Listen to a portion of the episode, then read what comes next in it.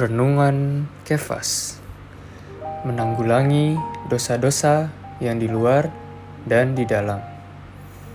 Ayat Alkitab Matius pasal 23 ayat 27 Celakalah kamu, hai ahli-ahli Taurat dan orang-orang Farisi.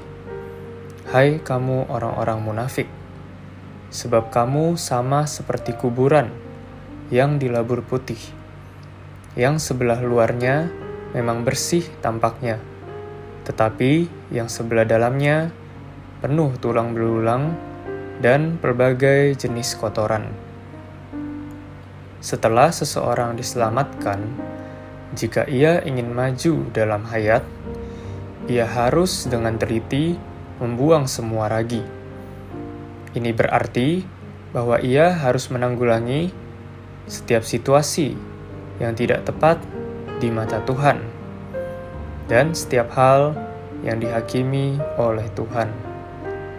Namun, ia bukan hanya harus menanggulangi hal-hal luaran, melainkan ia harus mengakui kepada Tuhan dari lubuk batinnya semua dosa batiniahnya.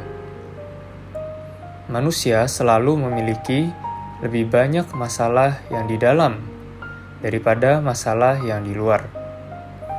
Masalah yang di luaran ini hanya berhubungan dengan perilaku, sedangkan masalah yang dari dalam berhubungan dengan pikiran, opini, dan egonya.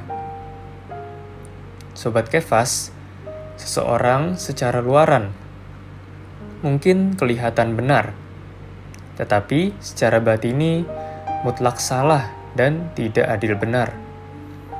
Manusia harus mengakui bukan hanya dosa-dosanya yang di luar di hadapan Allah, tetapi lebih-lebih lagi ia harus mengakui dosa-dosa di dalamnya. Bila Allah menerangi kita, maka Dia menerangi bukan hanya perilaku lahiriah kita, melainkan juga batin kita.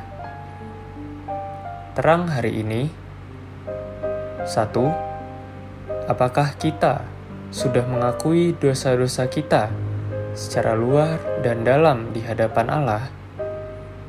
2. Apakah secara batin kita sudah sepenuhnya Allah tanggulangi?